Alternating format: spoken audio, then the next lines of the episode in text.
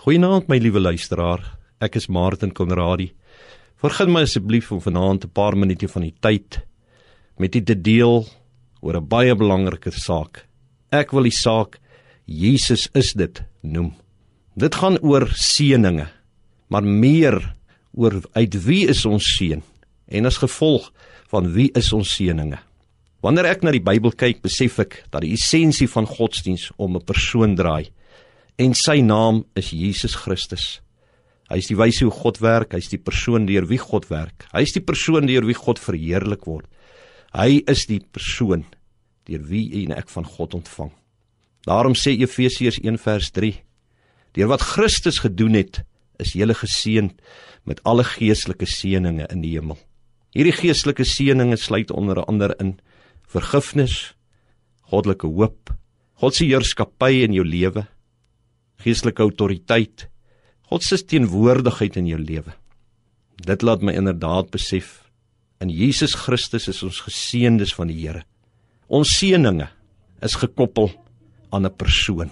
Kom deur 'n persoon en as gevolg van daardie persoon. Jy weet goed wie hy is. Dit is gekoppel aan Jesus Christus. Hy is die geseënde van die Here. God het die belofte al reeds vir Abraham gegee toe hy gesê het en die beloftes is vir jou en jou saad. Die saad is Christus. Wie in hom kom en hom aanvaar is geseënd. Dit maak my baie opgewonde. Ek hoef nie as iemand my nie groet nie te dink ek is nou nie meer geseënd nie. Of as my span verloor of omdat ek in Suid-Afrika bly. Rykdom of armoede bepaal ook nie jou seëning nie. Alleenlik Christus bepaal jou seëninge. Die feit dat jy 'n geseënde is, is gekoppel aan 'n persoon. Hy kan nie verander nie. Hy bly die geseënde. Daarom bly ek in u geseënde.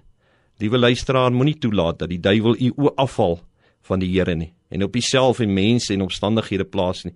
Dit gebeur so maklik met ons. Dan verval ons in selfverwyd, selfbejammering en selfveroordeling. Ons verwyd onsself omdat ons nie alles kan doen nie. Ons bejammer onsself omdat ons nie alles het nie. Ons veroordeel onsself omdat ons nie alles is nie. Hou jou oë op Jesus. Wanneer die versoeking kom, praat met jouself om jou oë op die Here te hou. Dit is nie maar net 'n klise nie, dis 'n realiteit.